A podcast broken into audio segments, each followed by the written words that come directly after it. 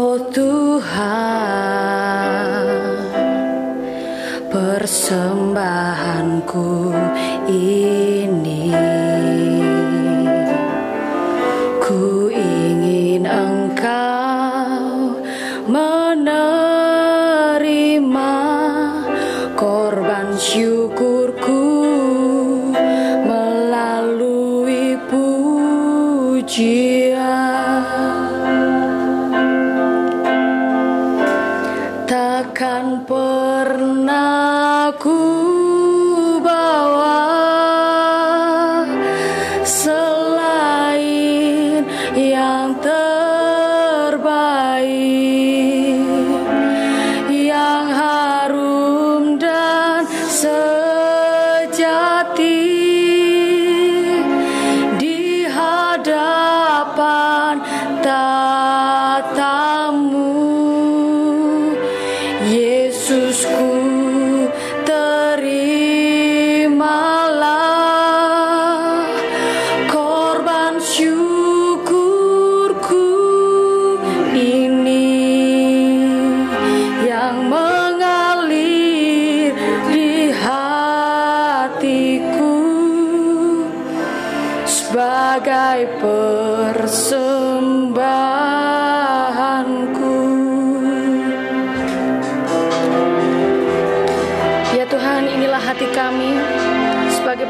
persembahan kami yang kudus.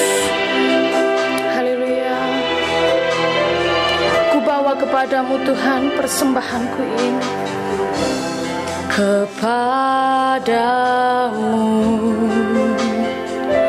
oh Tuhan,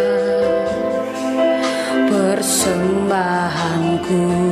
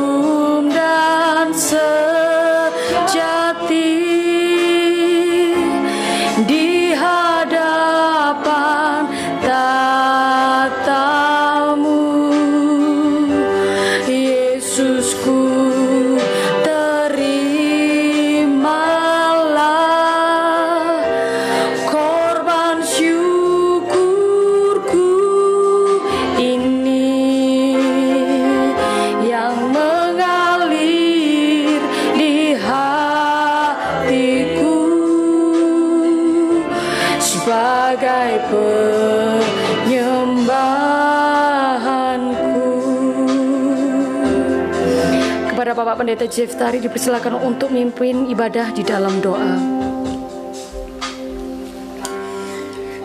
Ya, saudaraku yang terkasih dalam Tuhan, mari kita masuk dalam doa memulai ibadah kita. Bapa kami di surga, kepadamu kami datang lagi dalam Yesus Kristus Tuhan kami, dan ya Roh Kudus, Allah kami Tritunggal, kemuliaan bagimu, hormat dan pujian, syukur untuk selama-lamanya dari kami umatmu yang telah engkau tebus. Kami memuji engkau di pagi hari ini, kami mau mendengarkan firman-Mu, bahkan kami mau menaikkan doa-doa syafaat kami lagi di hari ini demi kemuliaan nama Tuhan dan demi kerajaan Kristus Yesus di tengah kami. Ibadah ini kami alaskan dalam nama Tuhan Yesus Kristus. Haleluya. Amin. Saudara-saudara, mari kita bangkit berdiri. Kita akan bersuka cita memasuki gerbangnya yaitu Yesus Kristus ya dengan hati bersyukur. Amin.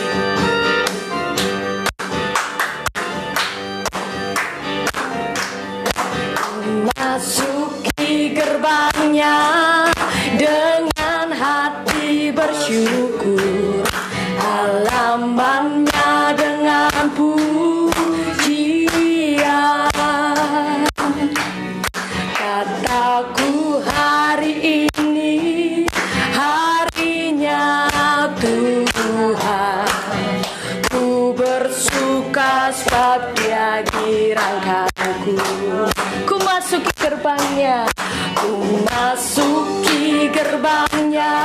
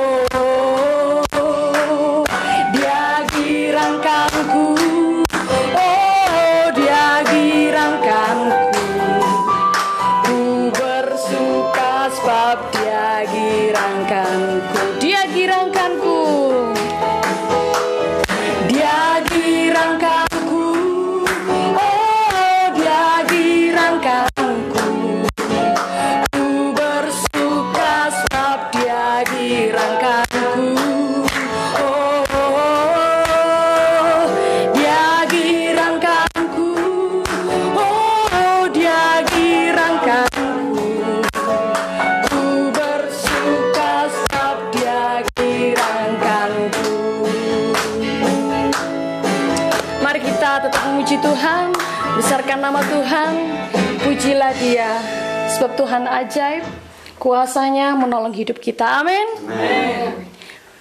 Kita naikkan pujian, besarkan nama Tuhan.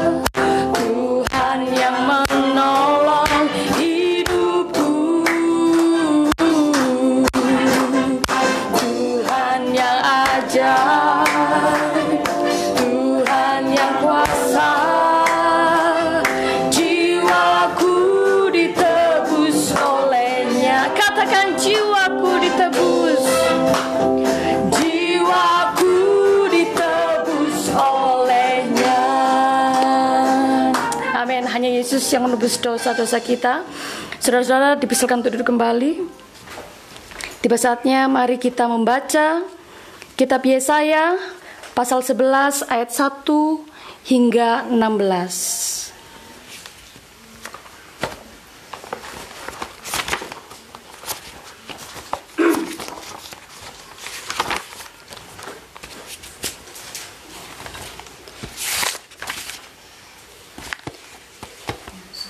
Yesaya 11 ayat 1 hingga 16. Mari kita baca bersama-sama. Satu, dua, tiga. Raja damai yang akan datang. Suatu tunas akan keluar dari tunggul Isai dan taruh yang akan tumbuh dari pangkalnya akan berbuah. Roh Tuhan akan ada padanya, roh hikmat dan pengertian, roh nasihat dan keperkasaan, roh pengenalan dan takut akan Tuhan. Ya, kesenangannya ialah takut akan Tuhan. Ia tidak akan menghakimi dengan sekilas pandang saja atau menjatuhkan keputusan menurut kata orang. Tetapi ia akan menghakimi orang-orang lemah dengan keadilan dan akan menjatuhkan keputusan terhadap orang-orang yang tertindas di negeri dengan kejujuran. Ia akan menghajar bumi dengan perkataannya seperti dengan tongkat dan dengan nafas mulutnya ia akan membunuh orang fasik. Ia tidak akan menyimpang dari kebenaran dan kesetiaan seperti ikat pinggang tetap terikat pada pinggang. Serigala akan tinggal bersama domba dan macan tutul akan berbaring di samping kami. Anak lembu dan anak singa akan makan rumput bersama-sama dan seorang anak kecil akan menggiringnya. Lembu dan beruang akan sama-sama makan rumput dan anaknya akan sama-sama berbaring, sedang singa akan makan jerami seperti lembu. Anak yang menyusu akan bermain-main dekat liang ular tedung, dan anak yang cerai susu akan mengulurkan tangannya ke sarang ular beludak. Tidak ada yang akan berbuat jahat atau yang berlaku busuk di seluruh gunungku yang kudus, sebab seluruh bumi penuh dengan pengenalan akan Tuhan, seperti air laut yang menutupi dasarnya. Maka pada waktu itu taruh dari pangkal Isai akan berdiri sebagai panji-panji bagi bangsa-bangsa. Dia akan dicari oleh suku-suku bangsa dan tempat kediamannya akan menjadi mulia. Sisa-sisa Israel akan kembali. Pada waktu itu Tuhan akan mengangkat pula tangannya untuk menebus sisa-sisa umatnya yang tertinggal di Asyur dan di Mesir, di Patros, di Ethiopia dan di Elam, di Sinear, di Hamat dan di pulau-pulau di laut. Ia akan menaikkan suatu panji-panji bagi bangsa-bangsa akan mengumpulkan orang-orang Israel yang terbuang dan akan menghimpunkan orang-orang Yehuda yang terserak dari keempat penjuru bumi. Kecemburuan Efraim akan berlalu dan yang menyesakkan Yehuda akan lenyap. Efraim tidak akan cemburu lagi kepada Yehuda dan Yehuda tidak akan menyesakkan Efraim lagi. Tetapi mereka akan terbang ke barat, ke atas lereng gunung Filistin, bersama-sama mereka akan menjarak Bani Timur. Mereka akan merampas Edom dan Moab, dan orang Amon akan patuh kepada mereka. Tuhan akan mengeringkan teluk Mesir dengan nafasnya yang menghanguskan, serta mengacungkan tangannya terhadap sungai Efrat, dan memukulnya pecah menjadi tujuh batang air, sehingga orang dapat melaluinya dengan berkasut. Maka akan ada jalan raya bagi sisa-sisa umatnya yang tertinggal di Asyur seperti yang telah ada untuk Israel dahulu pada waktu mereka keluar dari tanah Mesir. Demikian pembacaan kitab Yesaya pasal 11 ayat 1 hingga 16. Selanjutnya kepada saudara-saudara yang ingin menceritakan kesaksian atau cinta kasih Tuhan dipersilahkan.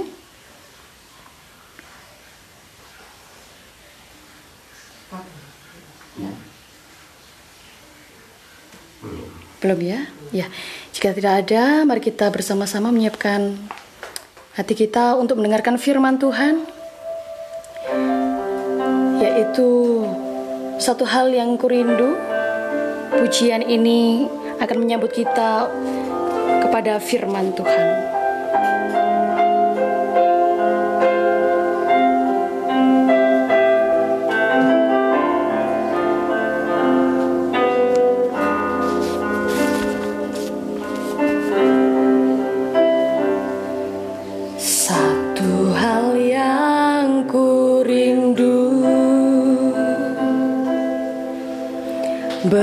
diam di dalam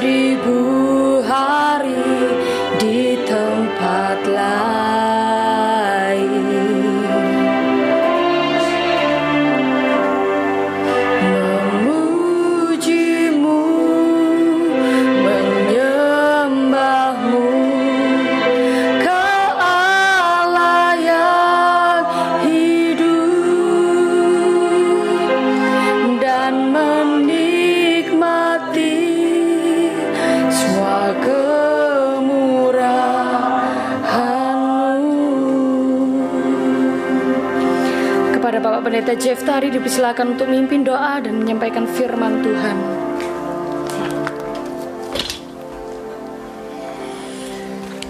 Baik, saudara-saudaraku yang terkasih dalam Kristus Yesus, di pagi hari ini kita akan berdoa sebelum kita mendengarkan firman Tuhan. Kami datang lagi ya Tuhan, Allah kami yang Maha Kudus, yang Maha Kuasa, yang memerintah atas segala yang di surga dan yang di bumi dari sekarang terus sampai selama-lamanya. Dan firman-Mu yang Kau telah firmankan dari dahulu hari ini sampai seterusnya akan tetap terus ada di muka bumi sampai pada kesudahan alam ini engkau akan bekerja sesuai dengan firman-Mu. firman-Mu yang kudus itu adalah kekuatan Tuhan sendiri untuk menetapkan kehidupan di tengah-tengah dunia ini. Maka kami umatmu di pagi hari ini akan mendengarkan firmanmu untuk membangun kehidupan kami lagi. Kami bersyukur, bersuka cita, kami akan mendengar firmanmu dalam nama Tuhan Yesus Kristus. Haleluya. Amin. Ya, puji Tuhan. Ya, baik saudara-saudaraku yang terkasih. Sungguh bahagia kita hari ini dan mari kita membuka firman Tuhan dari kitab Galatia. Kitab Galatia kita membaca pada pasal yang ke-6 ayat pertama hingga ayat yang ke-10.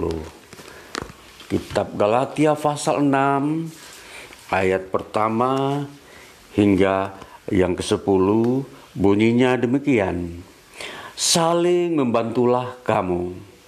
Saudara-saudara, kalaupun seorang kedapatan melakukan suatu pelanggaran, maka kamu yang rohani harus memimpin orang itu ke jalan yang benar dalam roh lemah lembut sambil menjaga dirimu sendiri supaya kamu juga jangan kena pencobaan. Bertolong-tolonganlah menanggung bebanmu Demikianlah kamu memenuhi hukum Kristus. Sebab kalau seorang menyangka bahwa ia berarti, padahal ia sama sekali tidak berarti, ia menipu dirinya sendiri. Baiklah tiap-tiap orang menguji pekerjaannya sendiri. Maka ia boleh bermegah melihat keadaannya sendiri dan bukan melihat keadaan orang lain. Sebab tiap-tiap orang akan memikul tanggungannya sendiri. Dan baiklah dia yang menerima pengajaran dalam firman membagi segala sesuatu yang ada padanya dengan orang yang memberikan pengajaran itu. Jangan sesat. Allah tidak membiarkan dirinya dipermainkan. Karena apa yang ditabur orang itu juga yang akan dituainya. Sebab barang siapa menabur dalam dagingnya, ia akan menuai kebinasaan dari dagingnya. Tetapi barang siapa menabur dalam roh, ia akan menuai hidup yang kekal dari roh itu. Janganlah kita jemu-jemu berbuat baik, karena apabila sudah datang waktunya, kita akan menuai jika kita tidak menjadi lemah. Karena itu, selama masih ada kesempatan, bagi kita, marilah kita berbuat baik kepada semua orang, tetapi terutama kepada kawan-kawan kita seiman. Ya, puji Tuhan atas firman Tuhan yang kita telah baca hari ini. Tema yang kita akan uh, pelajari hari ini ialah membangun manusia baru di dalam diri. Ya, tema ini uh, sangat dibutuhkan setiap zaman karena pemahaman tentang manusia baru itu perlu diterangkan, diajarkan berdasarkan Alkitab. Jadi, manusia baru adalah manusia hasil dari pengampunan dosa. Ya, ini kalau kita mau melihat dari pengejaran Rasul Paulus bahwa manusia baru itu menjadi sentral karya Kristus di tengah hidup manusia. Itu kita bisa lihat di dalam Efesus pasal 4 ayatnya yang ke-17 sampai dengan ayat 32 menjadi konsep-konsep manusia baru. Dan itu uh, kalau kita mau membaca sedikit demi sedikit, maka nanti kita akan mau melihat dulu apa itu manusia baru yang tertera di dalam surat Paulus kepada jemaat di Efesus. Dikatakan begini ayat 17 mulai, sebab itu kukatakan dan kutegaskan ini kepadamu di dalam Tuhan. Jangan hidup lagi sama seperti orang-orang yang tidak mengenal Allah dengan pikirannya yang sia-sia dan pengertiannya yang gelap, jauh dari hidup persekutuan dengan Allah karena kebodohan yang ada di dalam mereka dan karena kedegilan hati mereka. Perasaan mereka telah tumpul sehingga mereka menyerahkan diri kepada hawa nafsu dan mengerjakan dengan serakah segala macam kecemaran. Tetapi kamu bukan demikian. Kamu telah belajar mengenal Kristus karena kamu telah mendengar tentang Dia dan menerima pengajaran di dalam Dia menurut kebenaran yang nyata dalam Yesus, yaitu bahwa kamu berhubung dengan kehidupan kamu yang dahulu harus menanggalkan manusia lama yang menemui kebinasaannya oleh nafsunya yang menyesatkan, supaya kamu diperbarui di dalam roh dan pikiranmu, dan mengenakan manusia baru yang telah diciptakan menurut kehendak Allah di dalam kebenaran dan kekudusan yang sesungguhnya. Karena itu buanglah dusta dan berkatalah benar seorang kepada yang lain, karena kita adalah sesama anggota. Apabila kamu menjadi marah, janganlah kamu berbuat dosa.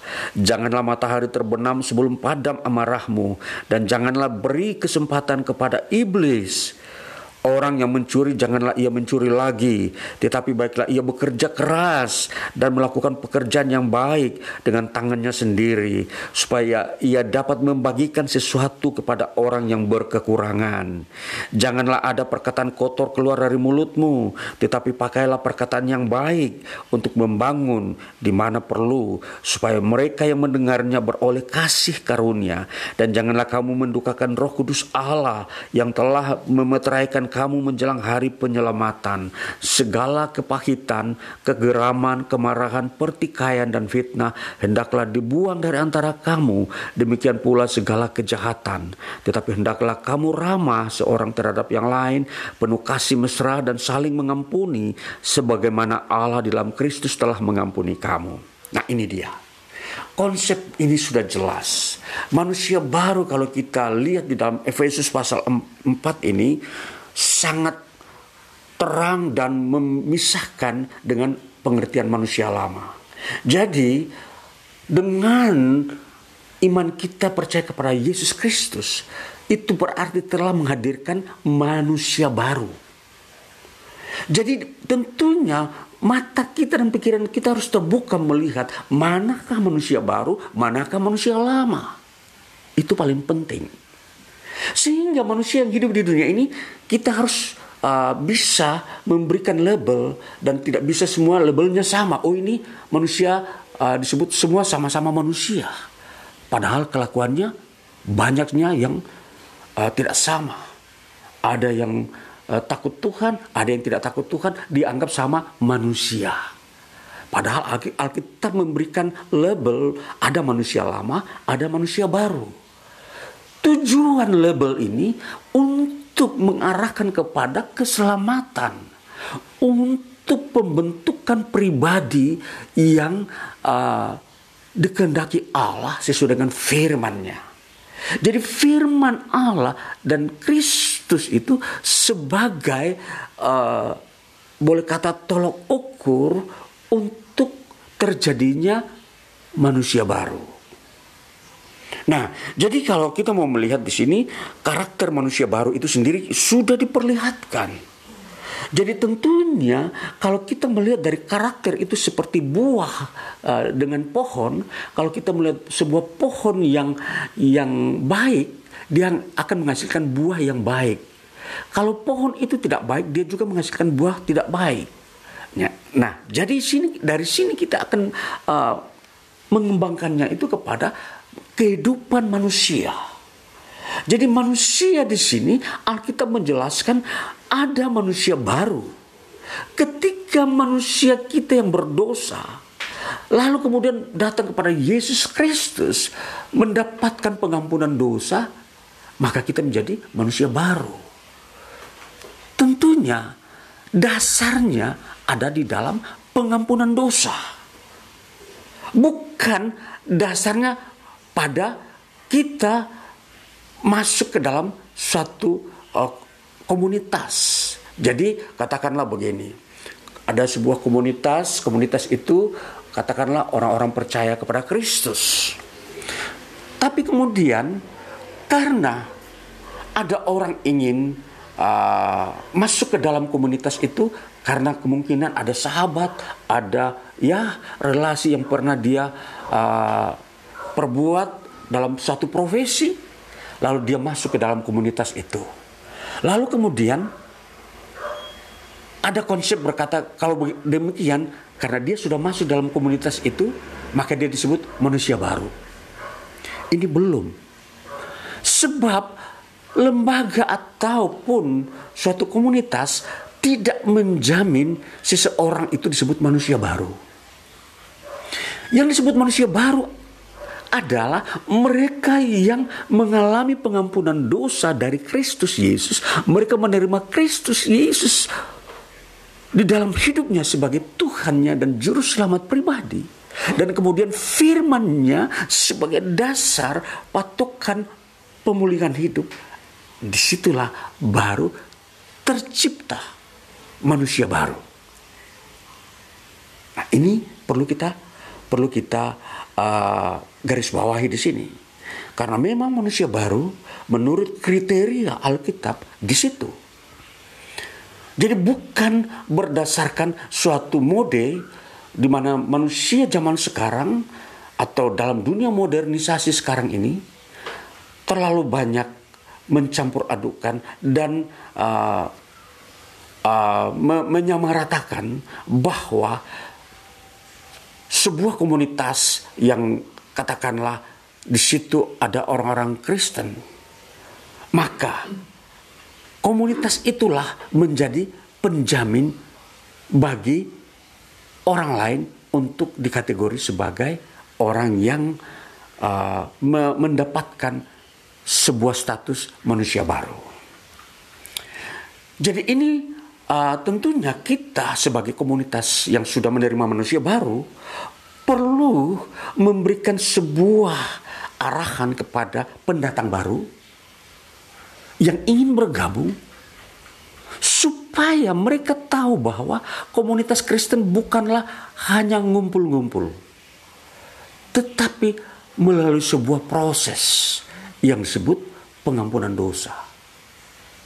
Maka di dalam definisi seperti ini, manusia baru adalah manusia yang telah memperoleh pengampunan dosa dari Yesus Kristus dan di dalam pribadinya telah memiliki iman kepada Kristus Yesus dan firman-Nya. Inilah manusia baru.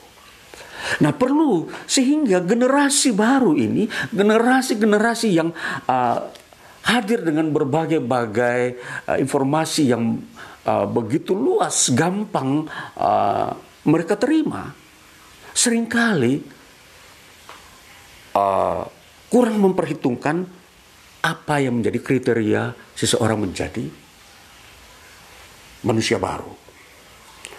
Jadi di sini manusia baru menurut kriteria Alkitab bahwa mereka itu sungguh-sungguh tadi harus mendapatkan pengampunan dosa dulu. Jadi ide manusia baru ini bukan idenya uh, konsep dunia. Manusia baru adalah ide dan uh, konsep yang berasal berasal dari surga, dari Tuhan.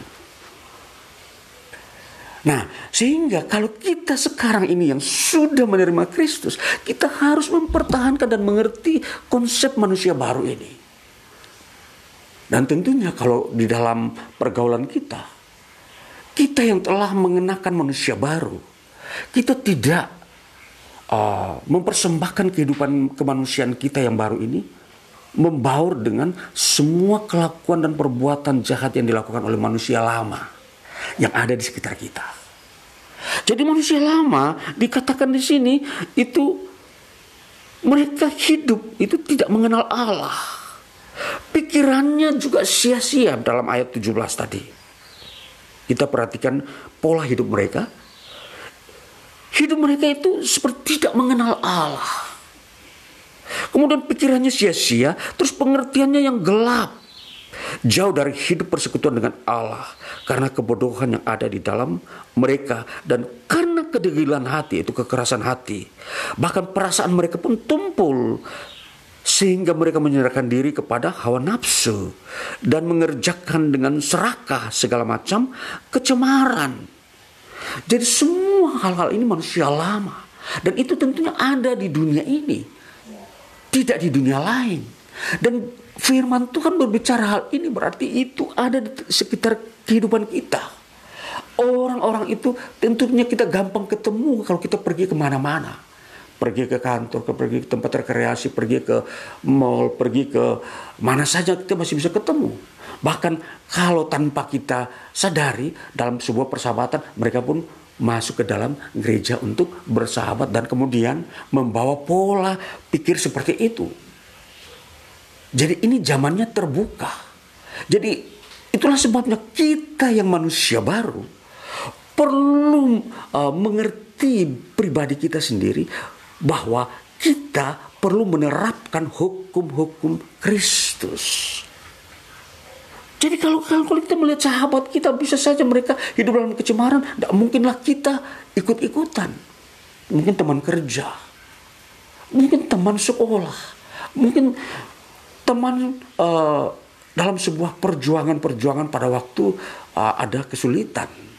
Nah, yang perlu kita selalu membuka mata kita dan pikiran kita bahwa uh, satu uh, status yang Tuhan berikan itu perlu kita jaga dan pelihara. Nah inilah manusia baru. Dan kalau kita kembali lagi dalam Galatia pasal yang kelima tadi, yang keenam, dikatakan bahwa manusia baru ini dia mempunyai peranan apa?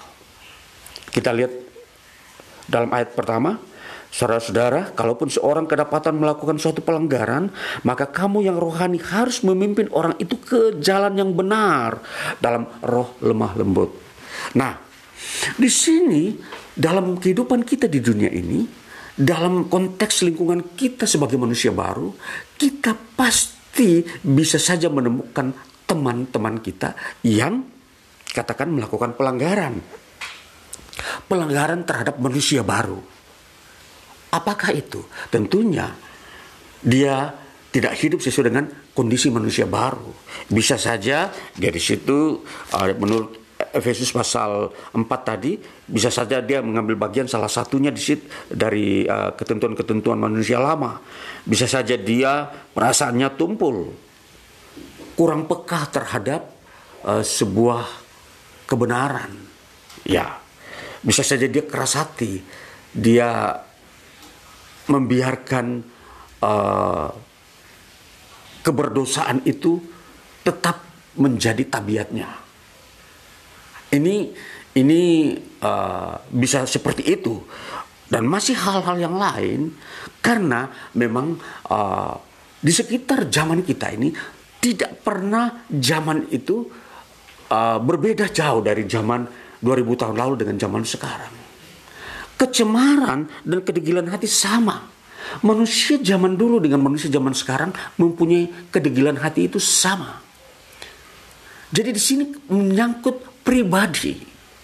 Jadi pribadi kalau setiap orang ingin mau eh, menjadi manusia baru, dia harus dengan penuh uh, kesadaran, penuh kemauan bahwa dia ingin menjadi manusia baru. Dia tidak lamban, dia tidak bahkan zaman sekarang uh, uh, malelo, ya istilahnya uh, main-main. Sebentar taat, sebentar lagi tidak. Jadi di situ ruang lingkup dia sebagai suatu permainan. Dia tidak serius dengan konsep manusia baru. Nah, jadi di sini uh, Orang-orang ini adalah orang-orang yang memang perlu dinasihati. Nah, di dalam Galatia pasal 5, 6 tadi, ini peranan orang yang kuat yang sudah mempunyai uh, niat membangun manusia baru dalam dirinya, dikatakan, maka kamu yang rohani harus memimpin orang itu ke jalan yang benar. Kamu yang rohani ini adalah kamu yang sudah benar-benar kuat di dalam manusia baru. Nah, kamu harus memimpin orang itu ke jalan yang benar. Nah, tentunya ini bukan orang ini bukan jauh dari uh, lingkungannya. Mas, misalkan kalau kita di Malang, melihat orang yang seperti ini di Jakarta. Tidak mungkinlah kita ke Jakarta memimpin dia ke jalan yang benar. Artinya orang ini ada di sekitar kita yang dekat. Ya. Jadi kalau dalam sebuah komunitas jemaat gereja di mana kita berbakti, di situ kalau kita uh, sudah mempunyai sikap yang serius terhadap manusia baru, terus ada orang katakanlah yang mungkin saja baru dia mau bergabung, tetapi dia punya konsep manusia barunya belum terlalu matang. Terus dia masih sering uh, kedapatan lemah di sini. Nah inilah yang perlu dibimbing. Nah itulah sebabnya dikatakan uh, peranan manusia baru ini selalu aktif membangun dirinya dan membangun orang lain. Nah, manusia baru kita lihat di sini, dia mempunyai sikap di, di, di sini katakan memiliki roh lemah lembut. Nah, ini roh yang lemah lembut ini di dalam mendidik. Menjadi manusia baru, baru bukan saja untuk kepada orang lain menerima sebuah roh lemah lembut, tetapi pribadi yang bekerja sebagai seorang yang uh, aktif sebagai manusia baru, dia pun sudah matang dengan roh lemah lembut. Jadi di sini uh, roh lemah lembut ini bukan bukan sesuatu uh, sesuatu uh, uh, keadaan di mana orang itu uh, ramah atau santai. Tapi roh lemah lembut di sini adalah roh ini yang selalu menopang orang ini bahwa janganlah kamu lagi lemah. Itu maksudnya. Hendaklah kamu uh, uh, sungguh-sungguh di dalam membangun pribadimu. Itu roh lemah lembut itu seperti itu. Dia itu selalu peduli supaya orang yang melakukan pelanggaran ini bisa benar-benar uh, sempurna atau pulih dari keadaannya. Nah, ini perlu kita mempraktekkan. Kalau itu di dalam sebuah komunitas kita yang ada. Jadi di sini perilaku manusia baru di sini dia itu tekun di dalam mengerjakan pekerjaan manusia baru.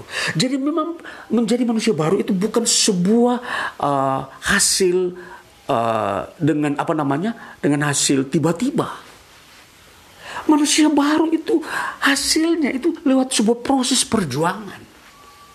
Dia terus belajar supaya saya ini bagaimana tidak menjadi pemarah.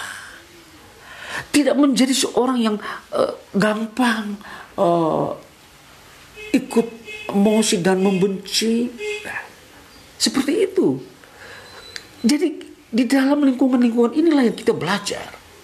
Kalau kita sudah mampu, barulah kita menopang yang lemah.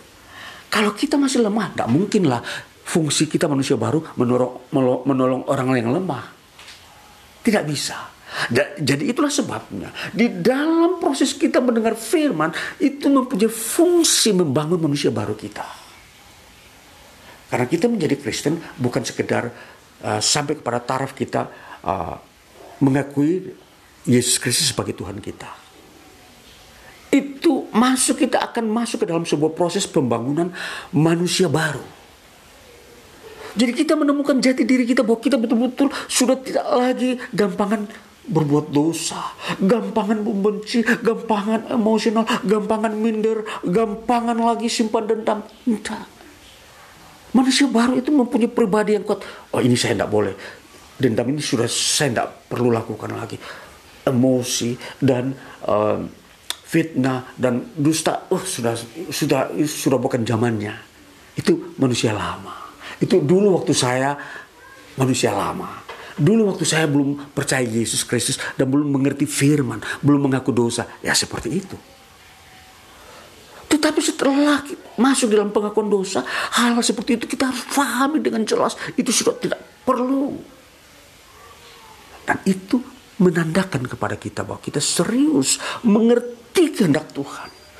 Tuhan apa yang Tuhan mau dalam diri kita, kita ikut menjadi manusia baru. Nah inilah yang menjadi target Tuhan. Di dalam mengampuni dosa, bukan saja supaya kita masuk surga, tapi terjadi pembaruan budi di dalam diri kita di dunia ini sesuai yang Tuhan karuniakan. Nah, itu itulah sebabnya dalam bagian berikutnya dikatakan sambil menjaga dirimu sendiri dikatakan di situ supaya kamu juga jangan kena pencobaan. Jadi di sini selain kita menolong orang atau saudara kita yang melakukan pelanggaran yang ada di sekitar kita, lingkungan komunitas kita, kita juga harus menjaga diri kita. Apa itu menjaga diri kita? Yaitu supaya kita tidak juga melakukan pelanggaran. Nah, itu berarti kita harus punya banyak uh, uh, apa namanya kita lebih dahulu belajar kita lebih dulu memperbanyak uh, pengetahuan dan pengalaman dalam diri kita dulu baru kita terjun menolong uh, saudara kita kalau kita belum bisa mau belajar banyak tidaklah mungkin karena kita akan jatuh kena pencobaan. Nah itulah sebabnya target kita di dalam Ibadah kita adalah kita membentuk diri kita supaya kita bisa menolong saudara-saudara kita yang mungkin bertetangga dengan kita, dekat bisa jangkau. Mungkin mereka bukan komunitas satu uh, gereja dengan kita, mungkin gereja sebelah yang kebetulan kita kenal dan satu teman kerja atau di mana pun kita melihat mereka uh, melakukan pelanggaran terhadap manusia baru maksudnya. Jadi pelanggaran terhadap konsep-konsep manusia baru ini. Jadi bukan pelanggaran terhadap undang-undang pemerintah, bukan. Yang dibicarakan di sini melakukan pelanggaran terhadap uh, status manusia baru. Ya. Jadi manusia baru ini dia mempunyai label di mata Tuhan. Siapa melanggar harus ditegur. Nah, itulah kita mau mempelajari di sini letak kehendak Tuhan di sini. Ya. Lalu kemudian dikatakan pada ayat yang kedua, bertolong-tolonganlah menanggung bebanmu. Nah ini tentunya ada hal-hal yang menyangkut beban-beban pribadi orang-orang tersebut yang melakukan pelanggaran. Dia melakukan pelanggaran itu mungkin diulang, oh karena saya pengaruh krisis ekonomi latar belakang atau uh, sumber-sumber uh, yang mengakibatkan dia melakukan pelanggaran manusia baru ini itu bisa saja uh, faktor ekonomi atau faktor uh, pergaulan yang memang dia tidak mampu mengatasinya. Nah, perlu kita menanggung beban menolong seperti ini. Nah, menanggungnya itulah yang disebut kita bertolong-tolong. Nah ini sebuah uh, konsep di dalam uh, membangun pribadi manusia baru dalam diri kita. Kemudian dikatakan lagi ayatnya yang keempat dikatakan baiklah tiap-tiap orang menguji pekerjaannya sendiri maka ia boleh bermegah melihat keadaannya sendiri dan bukan melihat keadaan orang lain. Nah, itu itu konsepnya. Membangun pribadi manusia baru dalam diri kita itu bukan sebagai sebuah uh, uh, pamer-pamer atau promosi-promosi diri. Bukan. Tetapi itu sebagai sebuah uh, kewajiban. Maka di sini ada batu ujiannya. Ujilah dirimu sendiri dengan pola hidup manusia baru. Jadi uh, setiap orang akan mendapat sebuah uh, kemegahan-kemegahan di dalam hidupnya menjalankan manusia baru. Jadi dia akan bermegah, dia akan uh, apa bangga karena telah mampu mencapai kriteria manusia baru. Ini perlu kita uh, sampai ke tahap ini. Saya bangga, saya telah bisa menguasai diri saya, saya tidak lagi membenci, saya sudah tidak lagi berdusta, saya sudah tidak lagi membohongi, saya sudah tidak lagi uh, uh, apa namanya menyimpan dendam. Hal-hal gitu harus bangga. Oh ya, saya ini telah menjadi manusia baru. Nah, jadi di sinilah yang kita membuka pikiran kita uh, uh, dan mata kita bahwa diri kita ini kita bisa memperhatikan, memperhatikan sejauh mana uh, hidup saya ini uh, telah memasuki ruang-ruang yang Tuhan kehendaki. Nah, akhirnya kita mau melihat bahwa ayat yang kelima, sebab tiap-tiap orang akan memikul tanggungannya sendiri. Dan baiklah dia yang menerima pengajaran dalam firman membagi segala sesuatu yang ada padanya dengan orang yang memberikan pengajaran itu. Nah, jadi firman ini yang kita pelajari ini itulah yang menjadi uh, apa namanya kekayaan-kekayaan yang harus kita miliki dan kita bagikan. Itulah uh, pola pikir manusia baru yang tidak sia-sia. Jadi firman yang ada dalam pikiran kita itu itu membuat kita tidak sia-sia. Sebab dikatakan dalam Efesus pasal 6, Man, di dalam pikiran manusia tidak mengenal itu banyak sia-sia. Karena apa? Tidak ada firman. Semua itu tidak ada gunanya yang sia-sia. Sesuatu, sesu, eh, segala sesuatu yang tidak berhubungan dengan firman, semua itu sia-sia. Karena apa? Tidak tercapai sasaran hasil pikiran tersebut. Apa yang dipikirkan itu tidak tercapai. Karena tidak ada dasar peneguhan dan penguatannya. Jadi pola pikir manusia yang lama itu semua sia-sia dan gelap.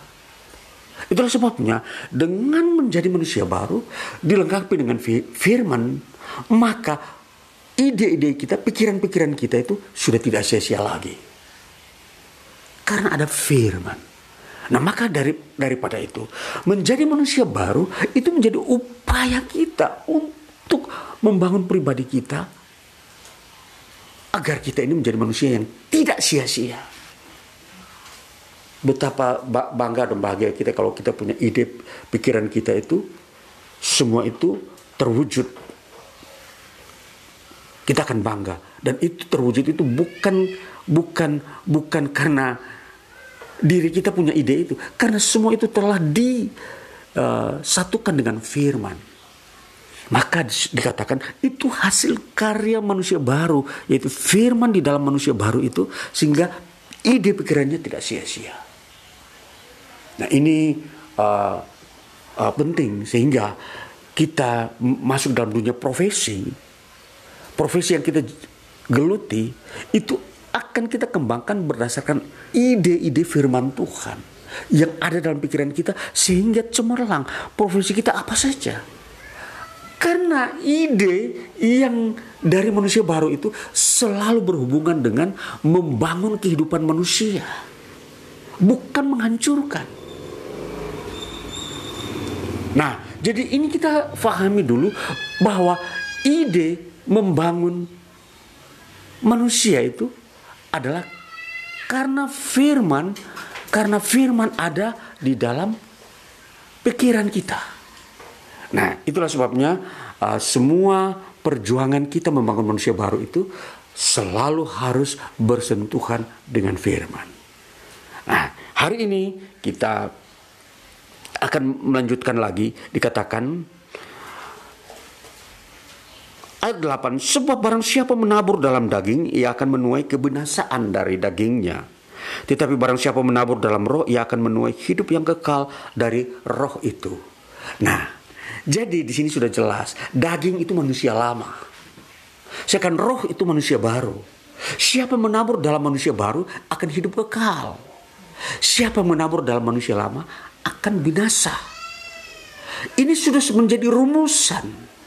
Jadi kita harus mempertahankan kalau kita menerima manusia baru, kita harus perjuangkan itu karena mempunyai manfaat hidup yang kekal. Jadi ini kita perhatikan. Jadi ide manusia baru itu adalah sebuah kehendak Allah supaya kita manusia bisa masuk kepada kehidupan yang kekal. Nah, itu uh, sebuah konsep yang harus kita uh, pertahankan dan kita harus mengerti sehingga hidup dalam roh ini adalah hidup berdasarkan hukum-hukum Kristus, firman Tuhan, pembaruan hidup manusia. Dan kemudian dikatakan janganlah kita jemu-jemu berbuat baik karena apabila sudah datang waktunya kita akan menuai jika kita tidak menjadi lemah. Karena itu selama masih ada kesempatan bagi kita, marilah kita berbuat baik kepada semua orang, tetapi terutama kepada kawan-kawan kita seiman. Jadi berbuat baik sekali ini, sekali lagi itu karena hasil karya pembaruan hidup kita. Jadi tentunya manusia baru ini dia akan menuju kepada pola hidup sikap hidup berbuat baik. Berbuat baik kepada semua orang tetapi terutama kepada saudara-saudara seiman. Jadi ada ada pengkhususan, jadi keutamaan. Jadi kalau orang ada saudara seiman yang membutuhkan uh, kita berbuat baik, itulah yang kita lakukan terlebih dahulu. Dan setelah itu baru kita lakukan pada semua orang. Artinya yang di luar yang uh, membutuhkan pertolongan-pertolongan untuk pembaruan hidup kita dapat melakukannya dengan cara mengajarkannya bahwa manusia baru perlu kamu terima. Manusia baru itu adalah uh, menjadi uh, target kehidupan manusia di dunia ini. Nah, jadi di sinilah uh, kita betul-betul mau melihat konsep-konsep Alkitab tentang uh, kehidupan manusia ini. Nah, tentunya akhirnya kita akan melihat bahwa uh, pertobatan, pengakuan dosa itu menjadi jalan satu-satunya untuk mendapatkan status manusia baru. Tidak ada jalan lain. Percaya kepada Yesus Kristus dan menerima pengampunan dosa dari Yesus Kristus itulah jalan satu-satunya untuk mendapatkan manusia baru. Tidak tidak ada jalan lain dan itu ketentuan dari firman Tuhan. Kiranya Tuhan memberkati kita dengan firman-Nya hari ini dan kita diteguhkan memasuki hari-hari hidup kita dengan uh, kehidupan manusia baru kita yang telah kita terima. Tuhan Yesus memberkati kita. Kita masuk dalam doa syafaat.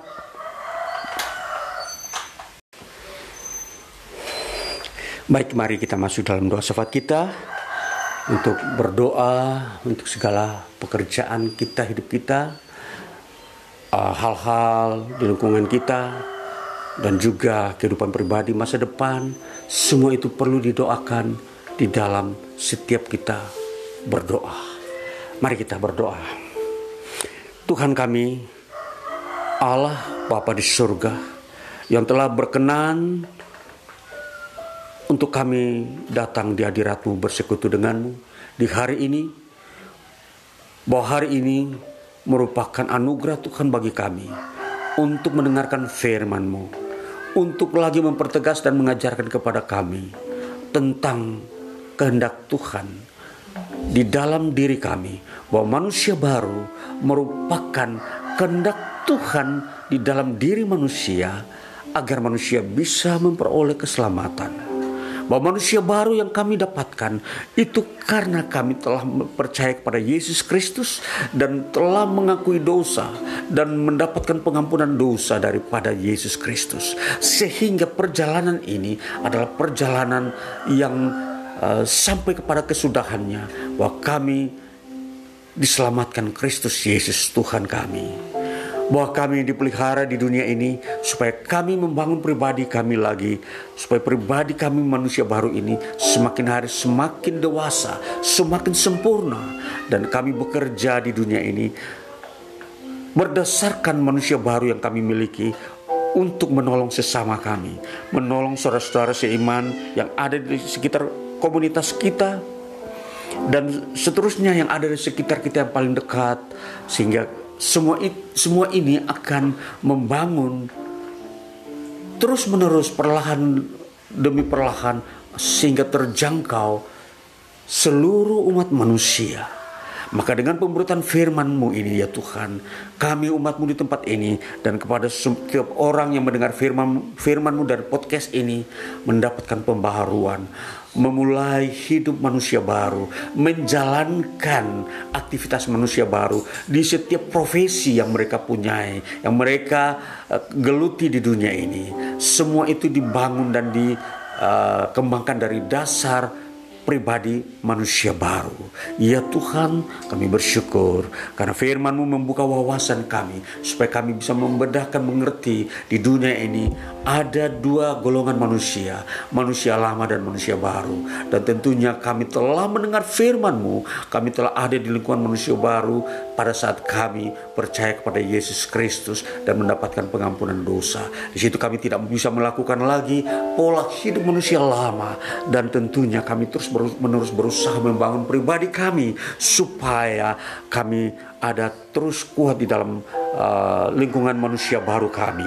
Kami berdoa pada pagi hari ini, berdoa untuk pekerjaanmu di tempat ini, supaya Tuhan memberkati, memperluas, menjangkau banyak orang, di dalam pelayanan hambamu ini bersama jemaatmu di tempat ini supaya roh kudus menyatakan kuasa dan tanda mujizat untuk membangun pembaruan-pembaruan ini untuk menjangkau orang-orang yang sedang ada dalam kesulitan-kesulitan permasalahan hidup. Orang-orang yang hilang dari lingkungan Tuhan di mana Tuhan sedang mencari setiap orang di muka bumi ini untuk diselamatkan.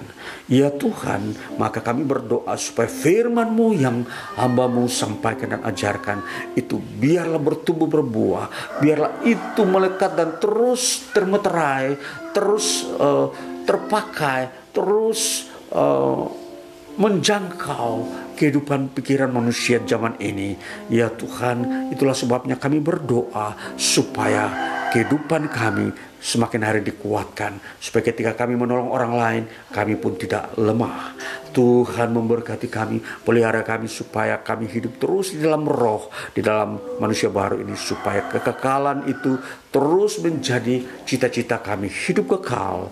Tuhan terima kasih, maka berkati juga jemaatmu dalam situ pribadi dan pekerjaan bahkan uh, pergumulan mereka, mereka yang bekerja baik di instansi pemerintah swasta, mereka yang bekerja dalam lingkungan wira swasta pun. Tuhan memberkati uh, dengan berbagai-bagai upaya yang didoakan digeluti masa depan baik uh, generasi muda yang ma mau masuk dalam dunia-dunia pernikahan mereka memahami uh, konsep-konsep uh, demikian. Dan juga anak-anak muda dan mereka yang mahasiswa mereka bekerja sebagai mahasiswa sesuai dengan kehendak Tuhan mereka menjalani manusia baru di dunia mahasiswa dan di dunia-dunia seterusnya lingkungan dunia ini yang begitu luas, betapa membutuhkan manusia baru. Tuhan memberkati dan kami berdoa untuk gereja-gereja Tuhan supaya mengalami pembaruan-pembaruan kebangunan rohani supaya terjadi manusia manusia baru terus bertumbuh di dunia ini. Peranan gereja di dalam menyampaikan dan membentuk manusia baru ini biarlah di situ terwujud karena Roh Kudus ada di tengah-tengah gereja Tuhan untuk menyatakan semua itu. Tuhan memberkati bangsa kami supaya bangsa kami tetap dalam keadaan uh, kuat dan berdiri di dalam kasih Tuhan menjalankan proses kehidupan kebangsaan dan kehidupan masyarakat di dalamnya biar kebenaran dan kasih dan juga uh, takut akan Tuhan bertumbuh di dalam perkembangan masyarakat dan bangsa ini dan semua kebijakan-kebijakan pemerintah bernuansa keadilan dan membangun kehidupan manusia. Kami berdoa juga untuk lingkungan di mana kami berada dan tinggal dan bekerja Malang Raya ini Tuhan memberkati sehingga kota kami juga mengalami pembaruan-pembaruan kehidupan dan target-target kehendak Tuhan untuk tercapai. Banyak orang memiliki manusia baru ini tercapai.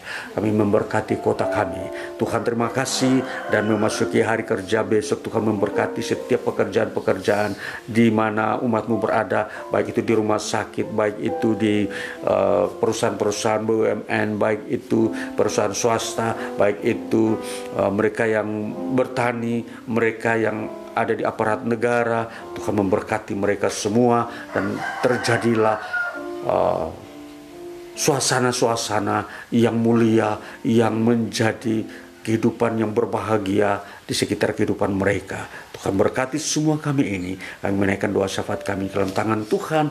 Biarlah Tuhan sendiri yang mengaruniakan apa yang kami minta. Dan Biarlah kasih karuniamu Bapa di surga dan persekutuan dengan Yesus Kristus dan oleh penguburan Roh Kudus menyertai kami selalu hari ini terus sampai selama-lamanya dan kami berdoa sesuai dengan apa yang Tuhan ajarkan kepada kami.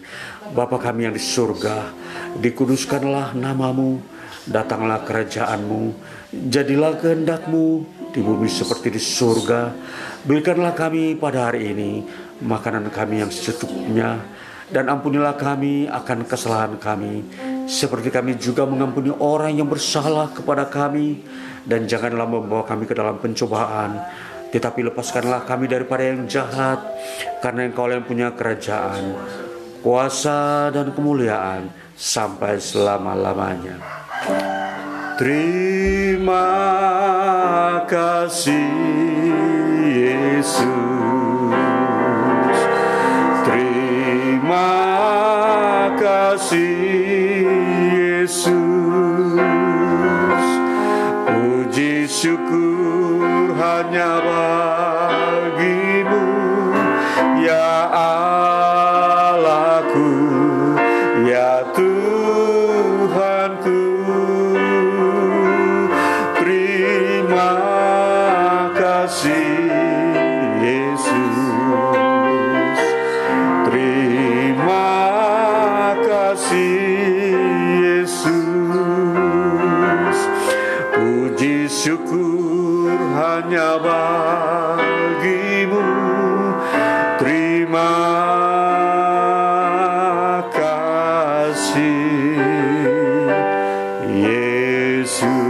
terima kasih untuk kasih dan firman dan kuat kuasa karunia Tuhan bagi kami pada pagi hari ini.